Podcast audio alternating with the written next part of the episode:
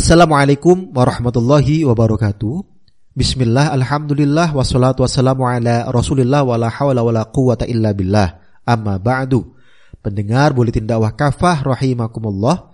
Kembali hadir di tengah-tengah Anda semua boleh tindak wakafah. Kali ini edisi 260. 20 Safar 1444 Hijriah, 16 September 2022 Masehi. Kali ini akan mengangkat tema menyusahkan rakyat adalah kezaliman. Bismillahirrahmanirrahim.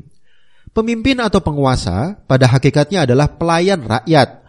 Mula Al-Qari di dalam Mirqatul Mafatih Syarhu Sahih Al-Bukhari menyatakan bahwa Ibnu Majah telah meriwayatkan dari Abu Qatadah dan Al-Khatib dari Ibnu Abbas radhiyallahu an Sayyidul Qaum khadimuhum.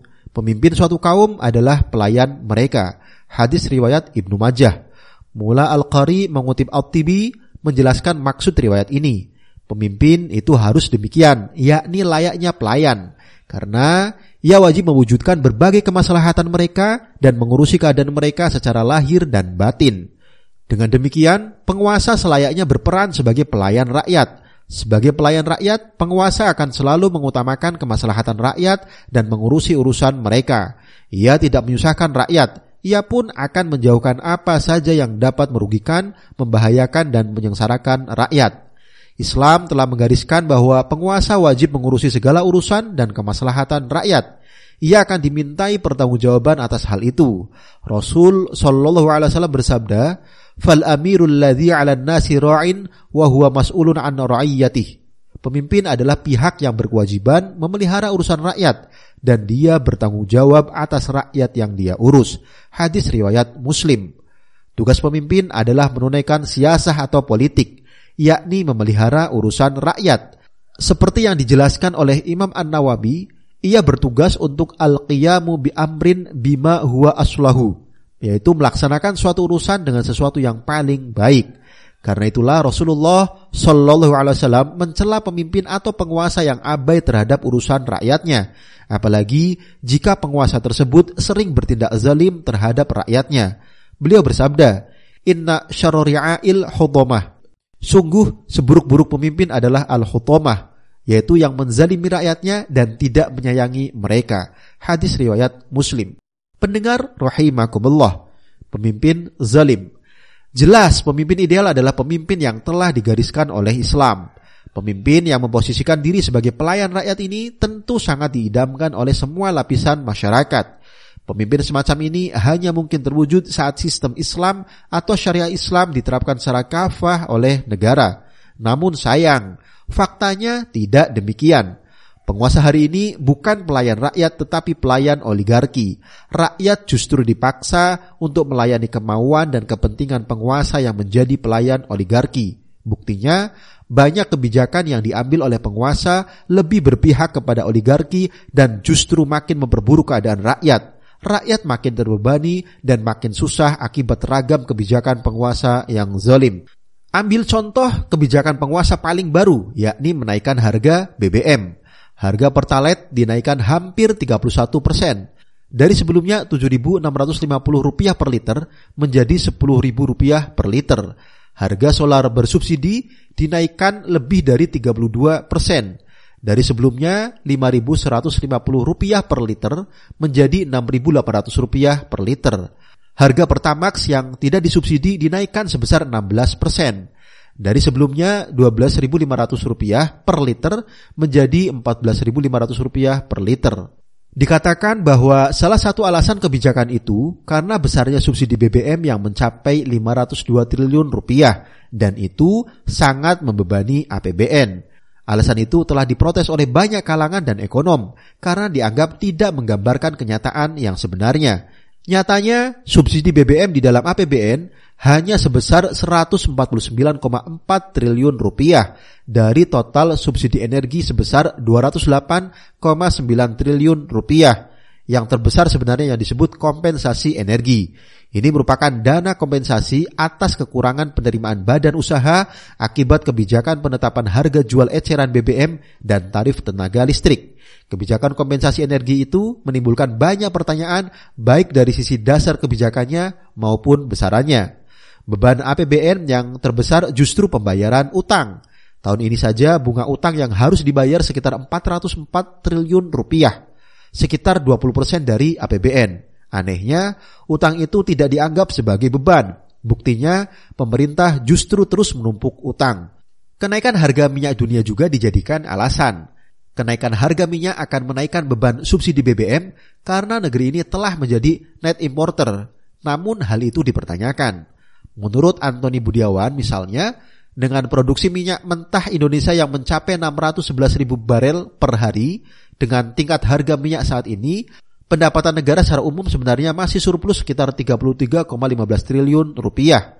Hasil kajian Indef pada Maret 2022 menyatakan bahwa kenaikan harga ICP atau Indonesian Crude Price 1 dolar US per barel akan menambah pendapatan negara 3 triliun rupiah. Sementara di lain pihak akan meningkatkan belanja negara sebesar 2,6 triliun rupiah.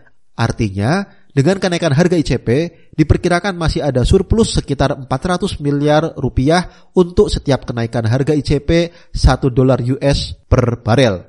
Kebijakan menaikkan harga BBM jelas akan menambah beban bagi rakyat. Setiap kali terjadi kenaikan harga BBM, pasti diikuti dengan kenaikan harga-harga. Kenaikan harga BBM sudah pasti menyebabkan kenaikan biaya transportasi, padahal transportasi menjadi salah satu urat nadi ekonomi.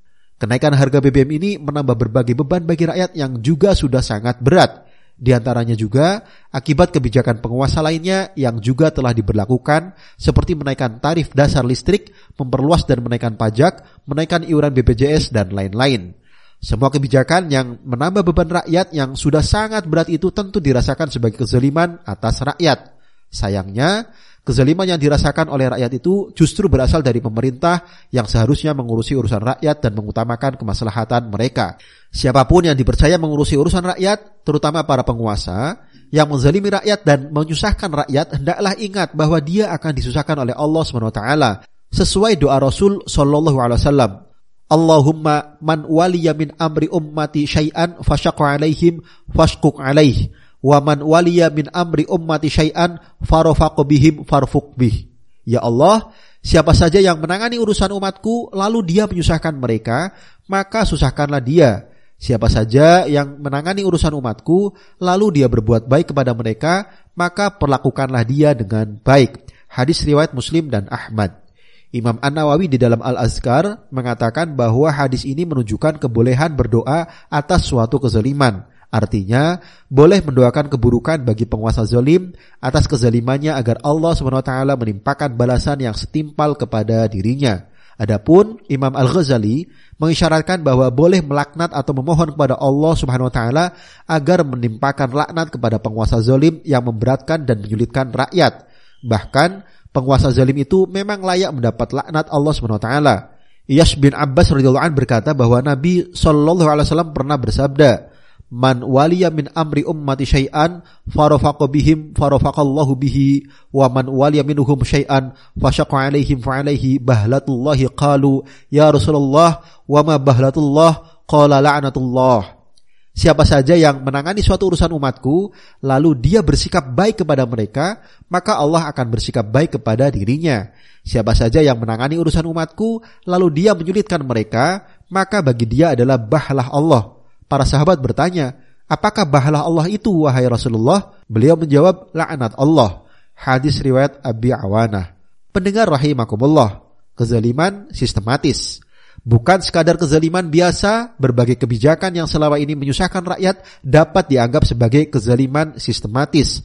Pasalnya, berbagai kezaliman itu terjadi secara sistematis sebagai akibat dari sistem zalim kapitalisme liberalisme yang diadopsi dan diterapkan di negeri ini.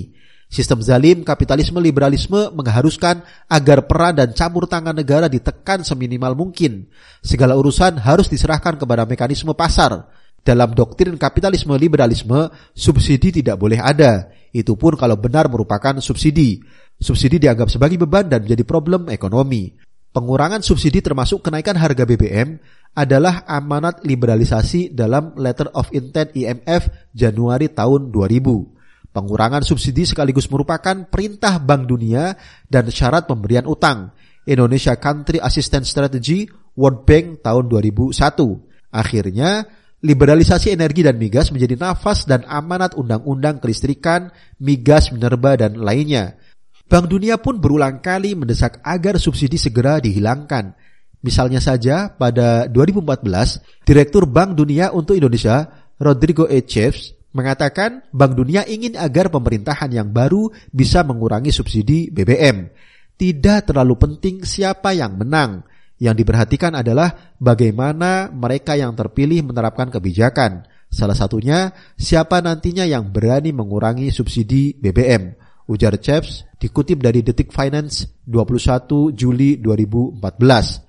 Dalam sistem kapitalisme liberalisme, pengelolaan sumber daya alam termasuk migas yang katanya adalah milik rakyat tidak boleh dikelola negara, tetapi harus diserahkan kepada swasta dalam negeri dan asing. Pengelolaan hasil migas juga harus dilakukan menurut mekanisme pasar. Belum lagi tata kelolanya juga banyak masalah. Seperti keharusan menggunakan trader yang mematok margin sesukanya, adanya mafia migas, dan lain-lain. Sebagai akibat dari penerapan sistem kapitalisme liberalisme ini, kezaliman sistematis akan terus terjadi. Pendengar rahimakumullah, kembali pada syariah. Semua ragam kezaliman merupakan bentuk penyimpangan dari petunjuk, peringatan dan hukum-hukum Allah SWT. Allah SWT telah memperingatkan akibat dari semua itu melalui firman-Nya dalam Quran surah Toha ayat 124. Waman a'radu an dzikri fa inna lahu. Siapa saja yang berpaling dari peringatanku atau Al-Quran, maka sungguh bagi dia penghidupan yang sempit. Solusinya juga telah Allah SWT jelaskan, yaitu kembali pada Al-Quran atau kembali pada syariahnya. Alhasil, saatnya kita bersegera untuk menerapkan syariah secara kafah untuk mengatur semua urusan individu dan masyarakat. Wallahu alam biswab. Demikian materi Buletin Dakwah Kafah edisi 260 menyusahkan rakyat adalah kezaliman. Terima kasih. Wassalamualaikum warahmatullahi wabarakatuh.